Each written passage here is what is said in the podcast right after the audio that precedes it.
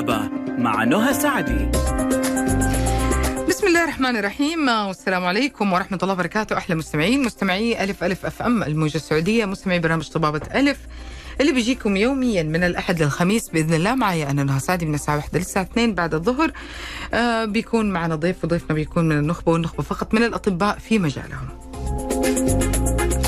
تواصلكم معنا إذا اتصال على صفر واحد اثنين ستة واحد ستة واحد واحد صفر صفر. رسائلكم على صفر خمسة خمسة ستة ستة ثمانية تسعة صفر صفر واحد. معك آيفون معك آيباد معك أي جهاز نظامه iOS. أدخل على متجر أبل أو Apple Store. حمل تطبيق ألف ألف أف أم. معك جهاز نظامه أندرويد. أدخل على Google Play. حمل نفس التطبيق آه، فيسبوك تويتر إنستغرام قناة اليوتيوب. كلها نفس الحساب. ألف ألف FM. نهى سعدي نهى سعدي نهى سعدي. كل الناس سمعوا كنت طيب ضيفنا اليوم من النهدي Care. طبعا خلاص إحنا صرنا عائلة مع النهدي Care. آه، أحب أقول لكم آه، عندهم آه، عروض الآن الآن في عيادات النهدي Care عرض على توريد اللثة ب 999 ريال فقط بدل من 2000 ريال. احجزوا واستفسروا بالاتصال على الرقم 92 0024 673 أو عن طريق تطبيق عيادات النهدي Care. كمان عندهم آه، بيقدموا فحص ال PCR المعتمد للسفر. في فرعين التحلية والمروة من خلال خدمة أخذ العينة من السيارة وكمان من البيت والنتيجة خلال ساعات ويبدأ سعرها ب 191 ريال عشان تحجزوا وتستفسروا على نفس الرقم تتصلوا 92 00 24 673 اللي ما لحق يسمع الحلقة وحاب يتابع ويشوف إحنا إيش قلنا اليوم أو يحتفظ بالحلقة ويرسل الرابط لأحد حلقة بكرة بالكثير بإذن الله حتكون على قناة ألف ألف أف أم على اليوتيوب. اليوم معنا استشاري الصحة العامة للأسنان وأمراض اللثة وزراعة الأسنان آه، أستاذ مشارك في كلية طب الأسنان جامعة الملك عبد العزيز المملكة العربية السعودية واستشاري أمراض اللثة وزراعة الأسنان مستشفى الأسنان الجامعي جامعة الملك عبد العزيز وأستاذ مساعد زائر في كلية طب الأسنان بجامعة هارفارد وكلية طب الأسنان بجامعة تفتس شكرا. والولايات المتحدة الأمريكية. تفتس يعني حتى اسمه غريب.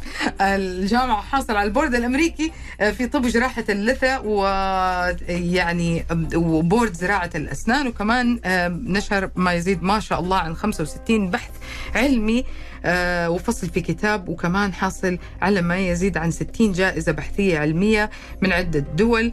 آه، في معلومات كمان عن طبيبنا اليوم لكن حنقولها آه، خلال الحلقة بإذن الله.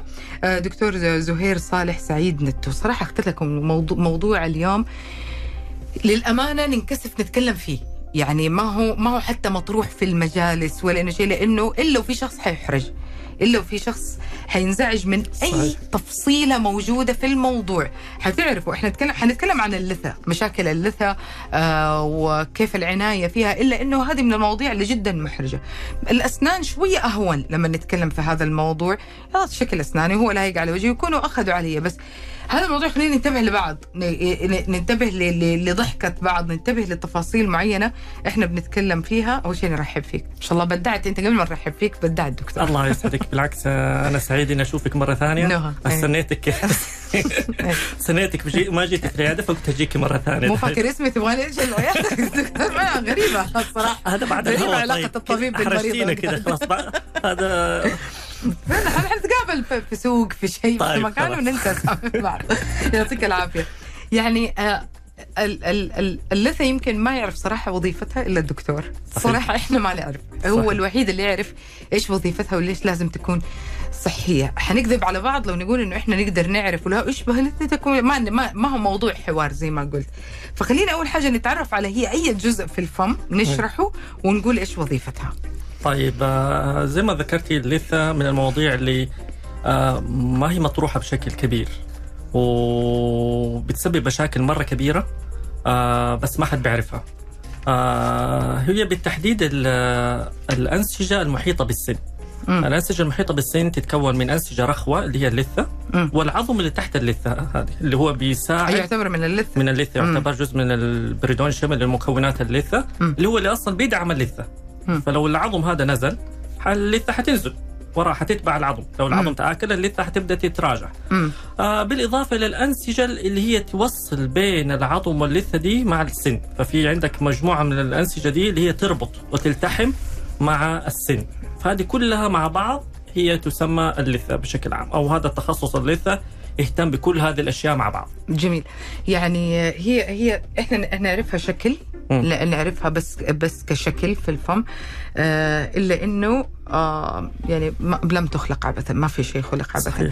آه يعني خليني أقول هي بس يعني وظيفتها تحمي العظمه اللي تحتها فقط؟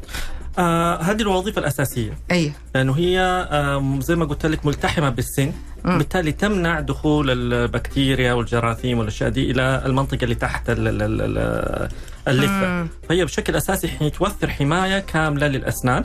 بالإضافة لها يعني وظائف ثانية زي ما أنت شايفة اللي هو ال- الابتسامة ال- ال- الأشياء هذه كلها الشكل الجمال. لها يعني أشياء ثانية برضو لها دور تلعب فيه. اللثة يا جماعة إحنا نحس فيها. لكن آه، يعني ما تألمنا. صحيح. يعني ما- فيها ألم. يعني تشبه كثير في إحساسها زي طرف الأنف أو حلمة الأذن. يعني في إحساسها زيها نشعر بها لو لامسها أي شيء إلا إنه ما نحس فيها ألم. مو هذه خطورتها. لأنه ممكن يكون فيها مشاكل بس أنت ما تشعر بهذه المشكلة الين ما تصير توصل لحد معين. ذيك الساعة يكون علاجها جدا صعب. هذه زي ما ذكرتي خطورتها إنه زي كأنها مرض صامت. يعني تكون عندك موجود التهابات بس ما تشعر بها وفجأة تتفاجئي إنه الأسنان بدأت تتحرك أسنانك راح تطيح آه، ومشاكل متعددة زي ما حنتكلم إن شاء الله اليوم. عشان تتعرفوا أكثر على دكتورنا الجميل يعني شوف لاحظتوا كذا دمه خفيف إنسان مرن يا- يأخذ ويعطي. وهذه هذه أنا أشوفها من شروط أساسية تكون صراحة في, في, في الطبيب في أي تخصص لأنه يحسسك بالاهتمام ويحسسك إنه ما بيكلمك من مكان مختلف بيكلمك من مكانك كإنسان. عضو الجمعية السعودية لأمراض اللثة في 2019 وعضو الكلية العالمية لزراعة الأسنان 2015 وعضو المنظمة المئوية. لأمراض اللثة 2014 وعضو الجمعية الأمريكية لأمراض اللثة 2012 وفي 2012 و2012 برضو عضو أكاديمية طب الأسنان العام وعضو الجمعية الأمريكية للصحة العامة وعضو الجمعية الأكاديمية العالمية لطب وجراحة اللثة 2010 وفي 2009 آه، عضو آه، الجمعية الأمريكية لأبحاث الأسنان وعضو الجمعية الأمريكية لطب الأسنان وكمان عضو آه، منظمة الأبحاث آه، أبحاث الأوبئة وعضو الجمعية العالمية لأبحاث الأسنان في 2007 وأخيرا عضو الجمعية السعودية لطب وجراحة الأسنان 2003 وأحس إنه خبى علينا برضو يعني أحس إنه هنا قال بس يكفي عشان لا, لا لا لا يزعلوا مني وتروح الحلقة علينا. نطلع فاصل قصير جدا ومكملين معاكم اليوم نتكلم عن اللثة يا جماعة والعناية فيها خليكم على السمع.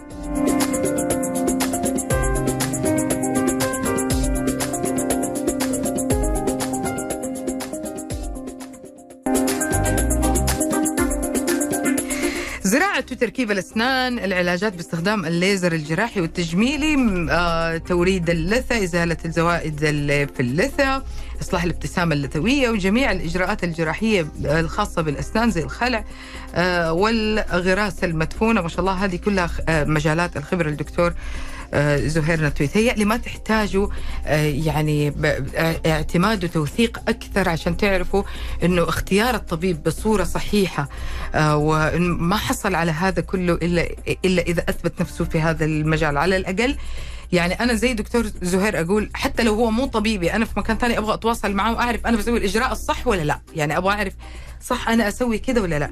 لأنه طبيب زي كده ما حيحتاج ما هو نقولها بصراحة ما حيكون تجاري إنه لا تسوي وسوي وسوي وسوي طبيب زي كده حتعرف إنه ممكن يقول لك ما تحتاج هذا الشيء سوي سوي هذا أفضل أو اختصر هذا الموضوع وأصبر على آه، ما بلاك يعني في في مشاكل. اللثه مشاكلها كثير بس اليوم حناخذ آه، نوع معين من ال- ال- المشاكل. في ناس تنتبه لها مهووسة باللثة تنتبه لها مرة كثير. آه، يعني يقول لك لأنها ظاهرة. فيقول لك حمراء فيها في تصبغات بت ويمكن أكثر حاجة تلفت نظرنا وقت فريش الأسنان لما تبدأ يعني حتى لون الدم ويو أبغى أسأل ده السؤال. أبغى أسأل هذا السؤال. ليه أوقات الدم يكون خفيف؟ من تفريش الأسنان وأوقات يعني الواحد يحس روحه بتطلع ويحس إنه هو يعني توفى لي ثلاث ساعات وما هو داري إلا لما بفرش أسنانه من كثر كمية وغزارة. والدم يكون داكن دكتور. أي. آه طيب بس قبل ما أقول لك ليش الدم آه بيختلف كمان تأثيره آه زي ما ذكرتي من أهم علامات مشاكل اللثة هو النزيف. هذه هي العلامة رقم واحد اللي لو عندك تبدا انت إيش تنتبهي والله أنا عندي ترى مشكلة لثة. لأنه كثير من الناس عندهم النزيف ده ويحسبها شيء بسيط ويتركها ومع الوقت زي ما ذكرت إنه هذا المرض ممكن ينتشر ويسبب مشكلة مرة كبيرة بس الشخص ما هو آه ماخذ باله. فالنزيف رقم واحد.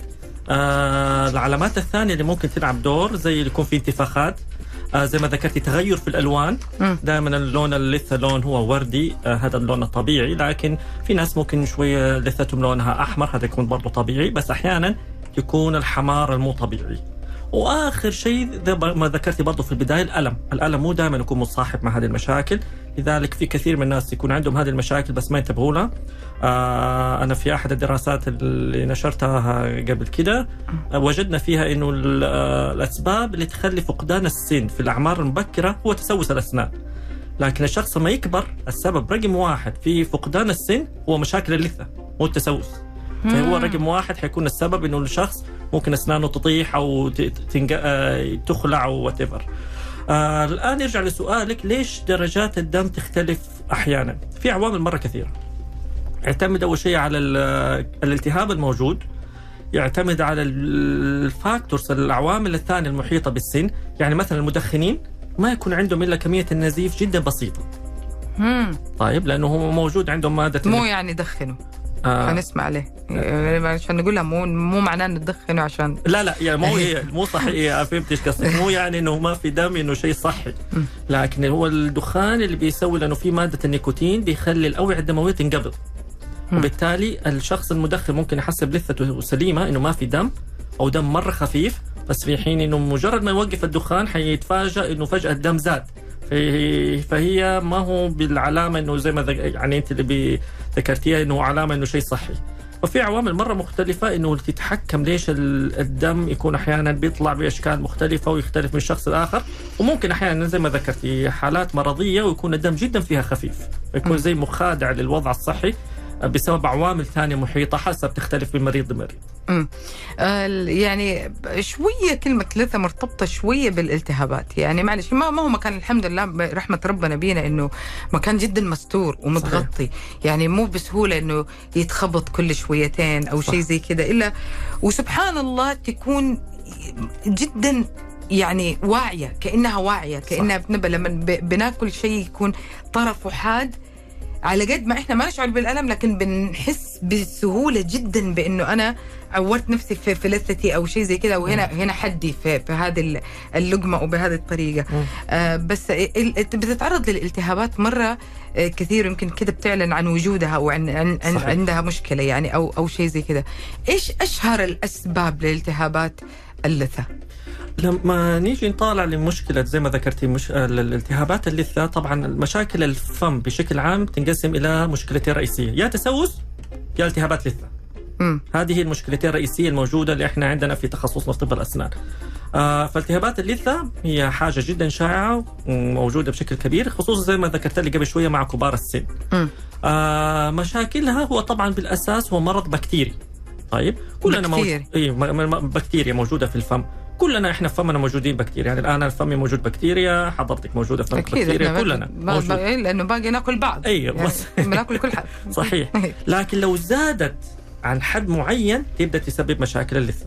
طيب لو إيش أسباب الزيادة ممكن تكون؟ وهذه هنا يجي الأسباب الزيادة أسباب متعددة، بداية من إنه الشخص ما بيفرش وبيشيلها بشكل يعني دائما كمية البكتيريا دي يخفضها للوضع الطبيعي، فالاهتمام بالأسنان سبب رقم واحد، لما بيتراكم الأكل حوالين الأسنان هذه طبعا تيجي هذه البكتيريا بتلاقي البيئة المناسبة لأنها تأخذ هذه الأغذية الموجودة تبدأ تكسرها وتغيرها تبدأ تتغذى عليها وتبدأ إيش؟ تسبب التهابات مع الوقت تبدأ هنا آه تنتشر زي كان كان مرض أي مرض ثاني ينتشر حوالين السن ده وتبدأ تنتقل من الجزء العلوي إلى العظم الموجود تحت السن.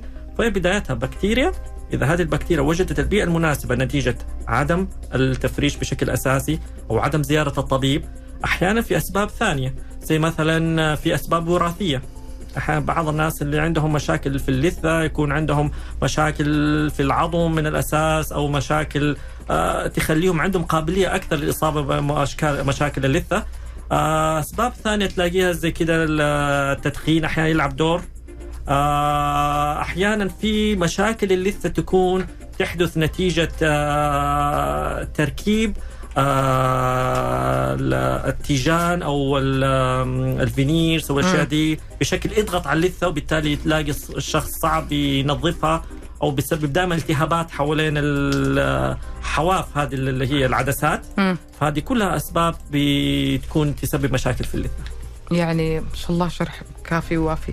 يعني حقيقي آه يعني أنا عارفة إيش يجي في بال الناس مرة كثير تبوا تتكلموا فيه إنه مثلا آه شكلها هذا اليوم حنعمل على حلقة عن اللثة المثالية كشكل. يعني حتى بعيدا عن شكلها الصحي عشان آه، حتى هذا الشيء نعرفه ونتعرف عليه أكثر.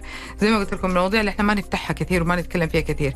طيب عودة إلى آه، الأشياء اللي إحنا بتحصل في بيتنا عشان أنا أبغى أكون آه، يعني أنا أحب الحلقات تكون جدا واقعية من الأشياء بتحصل في بيتنا. يعني إحنا بنقول ينزل دم بزيادة مضمض مويه وملح.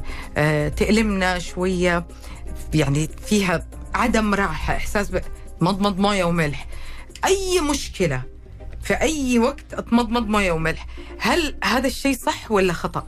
طيب إحنا لو جينا نشوف هذا السؤال بعدين في شروط للمويه دافية. في شروط. في شروط. ما شاء الله يعني هذه اللي أنت بتقولي الأسئلة فعلا الواقعية اللي إحنا دائما بنواجهها لأنه يجيك المرضى فعلا إنه زي ما ذكرتي مضمضة مويه ملح. آه أنا عادة بقول للمرضى إنه الموية مويه البحر مليانة بكتيريا. طيب فالموية والملح نفسه ما هو معقم.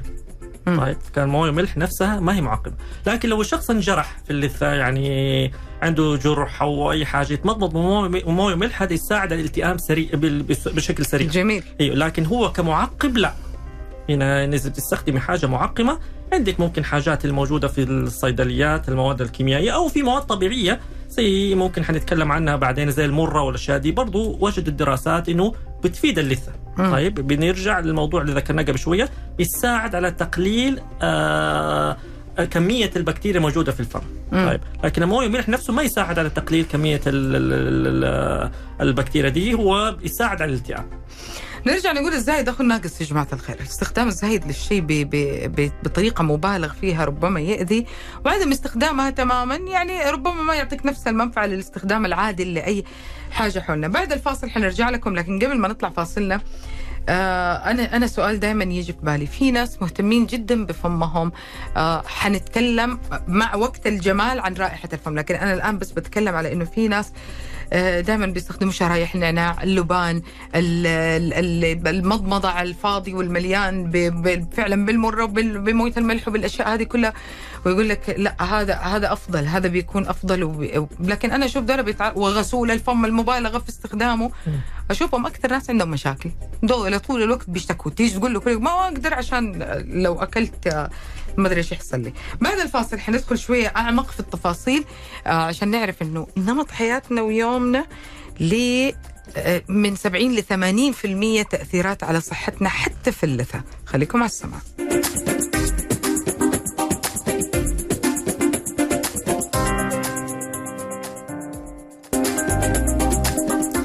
والله أحد الحاضرين للحلقة نبهنا لحاجة مرة مهمة يعني ننتقل لها بالتدريج اللي هي المشاكل اللي تطلع زي الحبوب. إحنا ما نعرف إحنا كل إحنا في البيت كلها يسموها خراج على فكرة. مم. كلها نوعها اسمه خراج. فين مكان موقعها؟ وكل مكان يعني أبعد أكثر كل مكان خراج أكثر يعني. أيوه إحنا دكاترة أسنان كلنا في البيت. إلا إنه آه المبالغة. حقيقي أبغى أتكلم عن ال- المبالغة بال في في استخدام ال- المواد والعلاجات لدرجة انه الشخص يلا الموية بتكون وقت الوضوء بس. وغير كده بمواد مرة كثير وبنكهات صارت الأشياء اللي نستخدمها. هذا هذا عادي ولا صح؟ ولا غلط؟ آه يعني آه أكيد في توصيات معينة من أي طبيب بخصوص كيف تستخدم هذه الأشياء. فإحنا مثلا لو تكلمنا الحاجات الطبيعية اللي المفروض يسويها أي إنسان طبيعي طبعا غسيل الأس... آه آه، اللي هو تفريش الأسنان مرتين في اليوم على الأقل في الصباح وفي المساء. طبعا في المساء يكون أهم. الشيء الثاني الخيط السني. طيب لأنه حتى لو نظفتي آه، فرشتي أسنانك 100% الأكل بين الاسنان ما يطلع. فأقل شيء في اليوم يكون في عادة استخدام الخيط السنين انه نشيل الأكل بين الأسنان لأنه هذا الأكل المجمع زي ما ذكرنا قبل شوية ممكن يجيب البكتيريا والبكتيريا تبدأ تتجمع بين الأسنان ويسبب لك مشكلة لثه ويسبب لك ممكن تسوس. الشيء الثالث هو غسول الفم. غسول الفم هذا شيء ضروري إنه يتم استخدامه مرتين في اليوم حسب إيش نوع الغسول لأنه في أشياء مختلفة كمان أنواع عد- متعددة من الغسول. صحيح. أيوه فهي طبعا في توصيات معينة لأنه برضه زي ما ذكرنا قبل شوي يقلل البكتيريا الموجوده في الفم. فاحنا لو سوينا دي الثلاث الأشياء مم. إحنا كده بشكل عام ماشيين بالطريقة الصحيحة. زي ما ذكرت قبل شوي اللي يزيد حيسبب ضرر واللي يقلل برضه حيسبب ضرر. لكن هذا الشيء المفروض طبيعي اللي كنا نستخدمه. خليني أفكركم حبايبي في النهدي care. الآن عندهم عرض على توريد اللثة 999 ريال بدل من 2000 ريال. احجزوا استفسروا اتصلوا على الرقم 920024 673 أو عن طريق تطبيق عيادات النهدي care. وعن طريق برضو تطبيق عيادات النهدي care. أو الرقم 92 0024 تقدروا تستفسروا عن العرض اللي بيقدموه الآن. آه، فحص ال PCR المعتمد للسفر في آه، فرعين التحلية والمروة من خلال آه، خدمة أخذ العينة من السيارة وكمان من البيت. والنتيجة خلال ساعات وبسعر يبدأ من 191 ريال فقط. آه، يعني ال ال هل الح... بتطلع لنا حبوب من من وقت للتاني؟ أكيد كلنا يعني. أوقات يكون الشخص لو أكل spicy بزيادة لو يعني في أسباب مرة كثير. وممكن تكون عرضية هو يعرف إنه عدت وراحت هي راحت بحالها فيعرف إنه هو صار كويس يعني. آه مشاكل المعدة أوقات بتأثر صحيح. على الفم بصورة جدا ظاهرة. متى يستدعي الأمر إني أروح للطبيب؟ طيب. آه عشان موضوع اللثة تحديدا. تمام. آه زي ما ذكرتي آه عادة تكون أسباب عرضية. بالإضافة للأسباب اللي ذكرتيها وسبب مرة شائع الضغوط. في الحياة أحيانا يكون عندك اختبار مهم عندك مقابلة شخصية عندك تطلع لك الحبة هذه الصغيرة اللي في على الشفة أيوه. فهذه ضيف. فعادة هذه تلاقيها في أوقات الضغوط كمان بشكل عادة الخبر الكويس إنه هذه تاخذ كم يوم وتختفي.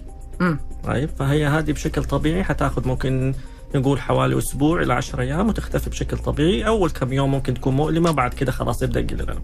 فلو ما اختفت بعد أسبوع ل 10 أيام هنا ممكن نحتاج إنه نزور الطبيب. بس غالبا وطبعا غالبا الطبيب لما حيشوفها كمان حيعطيها أسبوع عشان يتأكد.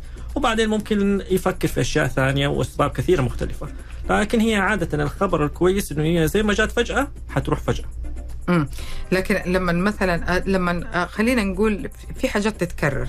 صحيح. يعني دائما كأنه الشخص بيعدي نفسه. صحيح. يعني آه، سبت واحد واثنين بيكون عنده يحس ألم ويحس التهابات أو يحس تختفي والسبت اللي بعده على طول ترجع موجودة. ه- هذه هذه ممكن تكون آه، هل هذا الشيء يعني يستدعي إني أنا أروح للطبيب؟ آه، أحيانا الافضل إنك تروح للطبيب برضو عشان تتاكدي لأنه أحيانا زي ما قلت لك هذه الحالة الأولى اللي تكلمنا عنها تكون هي حاجات عرضية ممكن تصير لك كل فترة وفترة يكون عندك أوقات معينة تجيكي لكن الأشياء اللي تتكرر في أماكن معينة أحيانا ممكن يكون لها علاقة بفيروس معين موجود يظهر في أماكن معينة فهذه الأحسن عشان الطبيب يعني يعطيك يوجهني. يوجهك بالضبط الاجابه المناسبة لكن إذا هي كان مرة واحدة طلعت لك واختفت وبعد جاتك بعد ستة شهور في مكان ثاني في الفم أو في جزء معين ما حيكون يعني أخذت كم يوم واختفت فهذه إن شاء الله تكون أشياء عرضية، لكن إذا كانت بتكرر بشكل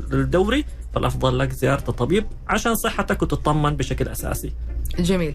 آه يعني صعب أروح لطبيب الأسنان أقول له آه إيش البديل لكريم الوجه المرطب اليوم أنا أقدر أستخدمه؟ فبالتالي بقول لكم صعب تروح للصيدلي. تخصصين اثنين رائعين وكل التخصصات جميلة ونحترمها ناس قضوا حياتهم عشان يعطونا أكثر لكن خلينا نحترم شوية التخصصات يعني أنت لما تدخل الصيدلي صعب تفتح له فمك اسنانك وتقول له هذا لون أسناني أنا أحتاج إنه مثلا مبيضات أو أو فرشة أسنان مناسبة أو أو هو ما حيعرف على فكرة. أنت ممكن تكون عامل آه، تنظيف للجير وتبييض قبل كم يوم فهو حيشوفها على على ظاهر اللي حصل. ما هو ما هو تشخيص. فمشوارنا للصيدلية مو حتى فرشة الأسنان معجون الأسنان اهتمام باللثة. في كثير منتجات خاصة باللثة وهذا كله. آه، مو باختيار لا السعر. ولا السؤال الشخص هناك ولا باسم الماركة ولا بشيء من هذا كله. زيارة لطبيب الأسنان. لو جيتك دكتور زهير قلت لك هذا فمي هذه أسناني. أكيد إنه حتسألني أسئلة مرة كثير. يعني متى آخر مرة؟ إيش ح... ليش جيتي؟ على الأقل السؤال اللي الطبيب بيسأله. ليش جيتي؟ طيب إيش حسيتي؟ خلاكي تيجي. ما عندي شيء بس أبغى أكون في المكان المناسب بتقدم في السن. أبغى اكون في المكان المناسب عشان لا أفقد مثلا لون أو شكل أو أو مثلا تبدأ تجيني التهابات. هل هذه حت حتخليني أحصل على إجابات؟ إيش اللي قصدك الزيارة هذه. الزيارة. طبعا. ما فيها شيء بس أبغى أتأكد إنه كل شيء تمام. آه بالذات مع مشاكل اللثه هذه الزيارة جدا ضرورية. أنا بالعكس بأيدك لأنه هو عشان كده بينصحوا إنه كل ستة شهور تزور طبيب اسنان آه لأنه ممكن يكون عندك التهابات بس أنت ما أنت ماخذه بالك. خصوصا الآن المشكلة اللثة كمان وهذه ما تطرقنا لها مرتبطة بشكل كبير بمشاكل الجسم بشكل عام. يعني في علاقة بين الجلطات والتهابات اللثة. في علاقة بين السكر ومرض اللثة. حتى الولادة المبكرة. في علاقة بين مشاكل اللثة والولادة المبكرة اللي قبل الوقت المفروض يولد فيه الطفل. فاللثة مرتبطة بأشياء مرة كثير فأنت ممكن الشخص هذا ما عنده أي مشكلة في وجهة نظره. مو حاسس اي ما هو حاسس بها لكن يجي للطبيب حينبه والله أنت عندك كذا الأفضل إنه آه نكتشف هذه العوامل انه يكون سهل في علاجها في البداية عكس إنه لو صبر عليها فترة طويلة وبعدين آه تكون آه توصل لمراحل متقدمة. بالعكس فهذه الزيارات مرة مهمة. بالذات لما الشخص يبدأ يتقدم في العمر بس عشان يشيك ويشوف إذا اموره طيبة خلاص حتلاقيه الدكتور يحطه في برنامج يقول له تعال بعد سنة تعال بعد سنتين ويجي يشيك كل فترة صحته وصحة أسنانه. المبالغة في استخدام خيط الأسنان أو أو فرشة الأسنان يعني يمكن هنا دائما نقول لنفسي إيه أنا ضغطت على نفسي عشان كذا نزل دم أو مثلا آه طب ما نعرف الطريقة الصحيحة يعني قديش تكون المسافة بين الخيط واللثة في هذا الموقف عشان ما أتعرض لمشكلة إنه تتنفخ بعدها أو تصير مشاكل. آه موضوع جدا مهم موضوع الضغط زي ما الخيط السني والضغط على الفرشة هذه موضوعين منفصلين. خليني أقول لك أول شيء الضغط على الفرشة هذا موضوع مرة مهم لأنه بيسبب مشكلة مرة كبيرة نشوفها كثير في العيادة اللي تراجع اللثة أو ما يسمى انحسار اللثة. فتلاقي الشخص عشان ينظف أسنانه كويس بيضغط على اللثة وهذه طبعا نسيج ناعم نسيج رخو فبيستخدم آه، فرشة قاسية بيضغط بشكل قوي فتلاقي اللثة تراجعت شكل السن صار طويل آه يصير زي في تآكل حوالين الأسنان. فنيجي الموضوع الأولاني موضوع الفرشة هنا لازم يكون اللي يستخدم فرشة ناعمة. طيب التفريش يكون لمدة دقيقتين لا أك... لا أقل ولا أكثر. يعني الدقيقتين هذه مدروسة ليش بدقيقتين؟ لأنه هي الوقت المناسب عشان الشخص يعدي على كل أسنانه لو قعد في كل سنتين ثلاث أسنان حوالي عشر ثواني فهي محسوبة عشان كده دقيقتين. مم. فهذه المفروض يستخدم فرشه ناعمة. ما يزيد عن دقيقتين ولا يقل عن دقيقتين. لو في ناس برضو يسبب مشاكل في اللثة نتيجة إنه يفرشوا خمسة دقائق و10 دقائق وربع ساعة ويقعد يعني مبسوط في عملية التفريش. مم. يعني أنا عندي بعض المرضى 20 دقيقة وش يعني حيصير لون أسناني. أحلى بالضبط إيه. فطبعا هذه يضر بشكل كبير في اللثة ويسببها تراجع اللثة هذه إنه اللثة تنزل بشكل كبير. هذا موضوع التفريش والضغط على الفرشة. يجي موضوع الخيط السني برضو؟ طبعا في زي ما نقول إشاعة إنه يقول لك والله أنا بستخدم الخيط بيسوي مسافة بين الأسنان. لكن اللي استخدمنا الخيط بشكل صحيح فهذا الكلام ما هو صحيح. لأنه زي ما قلت لك إنه إحنا لو فرشنا أسناننا 100% يعني استخدمنا الطريقة الصحيحه في التفريش وفرشنا بطريقة مضبوطة حننظف أسنان بنسبة 80% مم. طب الباقي 20% هذا تلاقي أكل بين الأسنان. ما يطلع بالفرشة لأنه الفرشة ما راح توصل. طيب؟ فلازم الخيط لما نستخدمه إنه الطريقة الصحيحة كمان إنه بعد ما نمرر الخيط بين الأسنان أغلب الناس تلاقيهم الخيط يستخدموا إنه طالع نازل طالع نازل طالع نازل وغير كده الأكل فين حيكون؟ فيجلس المكان نفسه. الأكل بس بيطلع فوق وبيثبته بيثبته الأكل. فهو بيقعد الأكل في نفس المكان وما بيتحرك. فبعد ما تستخدم تحط الخيط بين الأسنان حاول تسحبيه من طرف واحد على الخارج. فبتلاقيه يسحب معاه الأكل الموجود وبالتالي المنطقة هذه تكون نظيفة. فهذه الطريقة الصحيحة آه والأفضل في استخدام الخيط بدل ما إنه الواحد إيش زي كأنه بيلعب آه يرفع أثقال. طالع نازل سيبنا ثبتها في مكانها أيوه. فين اللي خلي أيوه. فين بقايا الطعام خليك زي ما أنت انت بتطلع أيوه. حنطلع فاصل قصير يا جماعة وراجعين مكملين معاكم اليوم. ضيفنا الدكتور آه، زهير صالح سعيد نتو استشاري الصحة العامة للأسنان وأمراض اللثة آه، وزراعة الأسنان. ليش إنها بتقول لثة؟ لأن هي لثة على فكرة. يعني هي لثة ولثة عادي كلهم واحد خليكم على السمع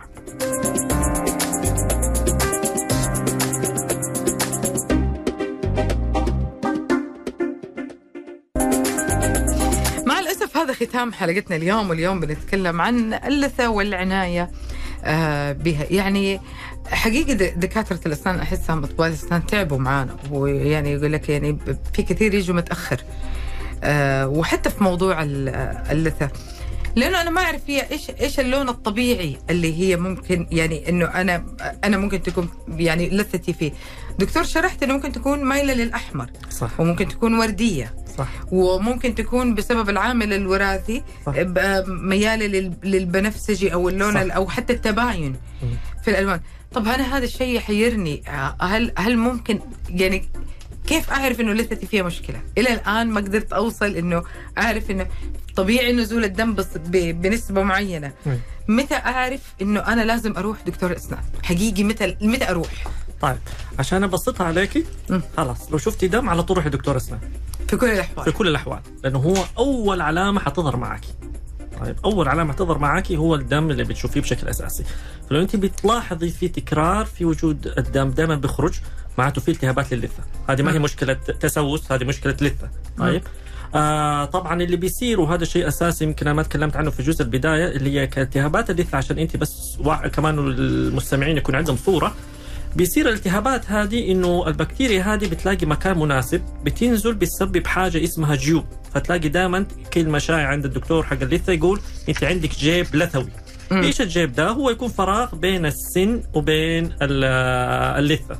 هذا الفراغ بيتخش فيه البكتيريا بيتجمع فيه بيتجمع فيه الأكل وبالتالي يسبب التهابات وبالتالي يصير عندك النزيف والالتهابات هذه كلها اللي أنت شايفتها فالعلامة الأساسية لو أنت شفتي دم دائما بيتكرر أكثر من مرة مم. روح لدكتور أسنان آه، أو بالأخص دكتور لثه لأنه هو ممكن اللي هو الشخص المناسب عشان يوجهك يا اما إنك تحتاجي مثلا تنظيف عادي أو إنه متابعة عادية أو إنك مثلا تحتاجي علاج متقدم في اللثه زي ما يسمى التجريف أو علاجات أخرى مختلفة. مم.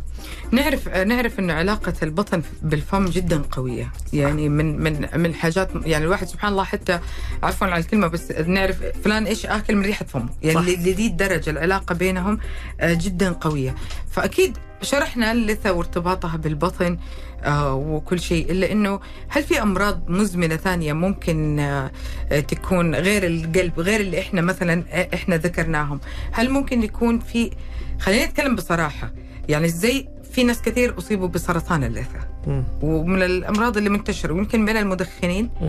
آه، يعني أكثر شيء هل لي علامات يعني الواحد ممكن يعني يقلق منها بزيادة ما نبغى نقلق أحد بس أي. نبغى نوضح طيب إحنا هنا نرجع وهي حاجة موجودة ونعرفها إنه حديث الرسول صلى الله عليه وسلم إنه المؤمنين كالجسد الواحد، إذا اشتكى منه عضو تداعى له سائر الجسد بالسار والحمى. فسبحان الله فعلا ال- الفم علامة يكون لمشاكل ثانية أحيانا طبعا مو دائما زي ما. ذكرت عشان ما نخوف المستمعين. بس أحيانا يكون علامة لوجود مشاكل ثانية موجودة في الجسم زي ما ذكرتي تقرحات ال- ال- ال- المعده هذه لها علاقة كثير بمشاكل اللثة إنه وجدوا البكتيريا هذه الموجودة اللي هي مسؤولة عن التقرحات موجودة بنسبة عالية في الجيوب اللثوية حوالين اللثة سبحان الله لما تسوي تنظيف وعلاجات اللثة بيخف كمية هذه ال- ال- ال- مشاكل. الم- المشاكل وبالتالي يخف شوية التقرحات الموجودة مم. فأغلب المشاكل الموجودة تلاقي فيها بطريقة مباشرة أو غير مباشرة علاقة باللثة. بالنسبة للسرطانات بشكل إذا نرجع لسؤالك بالتحديد ما هي موجودة زي المشاكل الثانية زي السكر والجلطات ما هي بدي القوة زي العلاقات مم. الأمراض الثانية لا علاقة اي إيوه لكن إنه موجود بعض ال- الفيروس الموجوده اللي ممكن- تلاقي في اللثة بيت ملائم آه لها تلعب دور في تكون آه هذه السرطان بس هنا أنا في معلومة مهمة أوجهها بالذات لمرضى السكر وأعتقد مرة مفيدة مم. آه طبعا مرضى السكر واللثه هي علاقتهم مرة قوية والاثنين بيأثروا في بعض كيف يعني؟ تلاقي دائما الناس اللي عندهم آه، مشا... آه، سكر مرتفع حتلاقي عندهم دائما مشاكل في اللثة التهابات جيوب نزيف بسبب اللي هو ارتفاع نسبة. السكر في الدم. والعكس كمان صحيح. اللثة بتأثر في آه، مستوى السكر في الدم. الدراسات كيف بتقول بتقول أشخاص هدول اللي هم عندهم التهابات في الفم وجدوا إنه لما تسوي تن... بالذات اللي هم موجود السكر عندهم بنسب مرتفعة فلما يسووا تنظيف للثه يشيلوا الجير والالتهابات الموجودة في الفم السكر يتحسن بنسبة جدا بسيطة. بس يتحسن. لأنه الالتهابات كلها مرتبطة ببعض. فعشان كده المرضى بالذات مرضى السكر بشكل خاص المفروض دائما بشكل أساسي يحاولوا الاهتمام آه، بمشاكل اللثة لأنه يا إما مرض السكر حيأثر بشكل مباشر في اللثة أو الأدوية اللي بياخذوها حتسبب مشاكل في اللثة لأنه تلاقي فمهم يكون جاف وبالتالي سبحان الله اللي هو اللعاب آه، أحد وظائفه غسول الفم وترطيب الفم ما بينفرد بشكل أساسي وبالتالي يصير التهاب.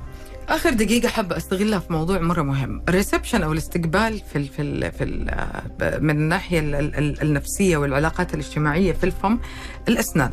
يعني بعد الشفايف على طول وهذا موضوع مختلف تماما إلا إنه فأقصد من ناحية طبيب الاسنان هو الأسنان. هي هي المستقبل وهي أول شيء الفت النظر. حقيقي مرة كثير بلونها بشكلها بكل حاجة. فبنهتم فيها مرة كثير. فبنروح تقويم آه، تقويم شفاف آه، فينير آه، lumineer بابتسامة هوليوود وبأشكالها وبأنواعها. هل هذه الإجراءات كلها هل ممكن يكون لها تأثير على اللثة في كل الأحوال؟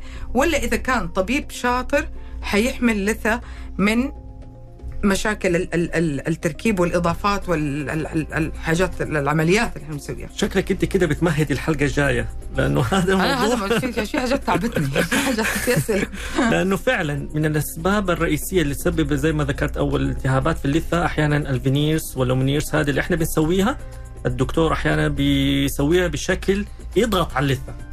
وبالتالي دائما هدول الأشخاص تلاقي عندهم التهابات حول اللثة لأنه هذه التركيبات جاية والضغط على اللثة. الشخص ما يقدر ينظف آه، أو آه، أو الحدود حقتها دائما حمراء فبتسبب مشاكل مرة متعددة. يضطر الشخص في النهاية يا إما يشيلها أو إنه دائما يضطر بشكل دائم إنه يراجع طبيب الأسنان لأنه بيشتكي من النزيف اللي بيطلع حوالينها ومن اللثة اللي بدأت تنتفخ حوالين هذه ففعلا الموضوع مرة مهم. آه إنه لما الشخص إذا ركب هذه الأشياء يهتم بشكل أساسي بشكل دوري آه عشان ما تصير هذه المشاكل في المستقبل. كلنا نبغى لثة صحية وهذا أكيد يعني عشان كذا اليوم وهذا التخصص أنا أحترمه جدا آه فتعمقت فيه لأنه آه يعني بصراحة لقيت الشخص الصح اللي أسأله هذه الأسئلة واقول له هذا الكلام وأقول له اللي في خاطري واللي في بالي عشان بس نكون في لثة صحية بس كمان مو بس لثه صحيه أنا كمان أبغى لثة جميلة كمان في نفس الوقت. آه لأنه زي في ناس تقفل ضحكتهم فجأة لأنه افتكروا إنه اللثة مرتفعة كثير لفوق أو نازلة كثير لتحت أو ما هي في مكانها الصح آه في ناس عالجوا كل مشاكلهم في البطن وكل مشاكلهم لكن ما زال بيعاني من رائحة الفم آه وتطلع المشكلة من اللثة. فهذا كمان أنا أعتبره من الجماليات. الواحد لما بيلبس بيتعطر بس زي كذا. يعني خلاص عشان تكون جاهز. عشان كذا أنا بس بأكد على دكتور زهير انه هذا موضوع حلقتنا الجاية بإذن الله. جمال اللثة. اللثة جميلة. أبغى أعرف كيف في ناس يقول خلاص كبر في السن طبيعي إنه يكون شيء لا لا ما ما هو ما هو سبب. صحيح. في ناس حقيقه اللثة جدا جميلة. والثقة آه، هذه لوحدها يعني في ناس خلينا نقول بصراحة ترى رفضوا عرسان ورفض عروسة بسبب كل شيء فيه تمام لكن هذه مكان حساس منطقة حساسة جدا وتأثيرها نفسي آه بصورة جدا كبيرة. شكرا دكتور زهير على وجودك معنا اليوم. شكرا أستاذة نهى. نهى. نهى. من أول مسكت ما حسكت أنا أنا ما حس حنفرش شكلي ده. يعني لسه كنت كنت حخليك تخلص كلامك كنت معاكم نهى سعد أنت بس يعني ما أعرف يعني تسبب لا خلاص نراضيك إن شاء الله. إن شاء الله حيكون طبيب مختلف اللي حيكلمنا في موضوع الجمال اللي بيعتذر. دكتور زهير اعتذر من هذه الحلقة لا حقيقي شكرا. حوار ممتع شكرا لك. ساعة خفيفة ولطيفة ومعلومات حقيقية وواقعية ومنطقية وهذا هو هدفنا من برنامج طبابة ألف. شكرا هالة منصور معانا من الإخراج صاحباتها خرجوا ما قالوا لها. آه، شكرا للجميع. على أمل جدد لقائي فيكم بكرة بحلقة جديدة من برنامج تيمبو الساعة 10 الصباح. آه فما الكريم. شكرا فهد والله والله فهد مرة نورت حقيقي آه فما الكريم وانتبهوا لبعض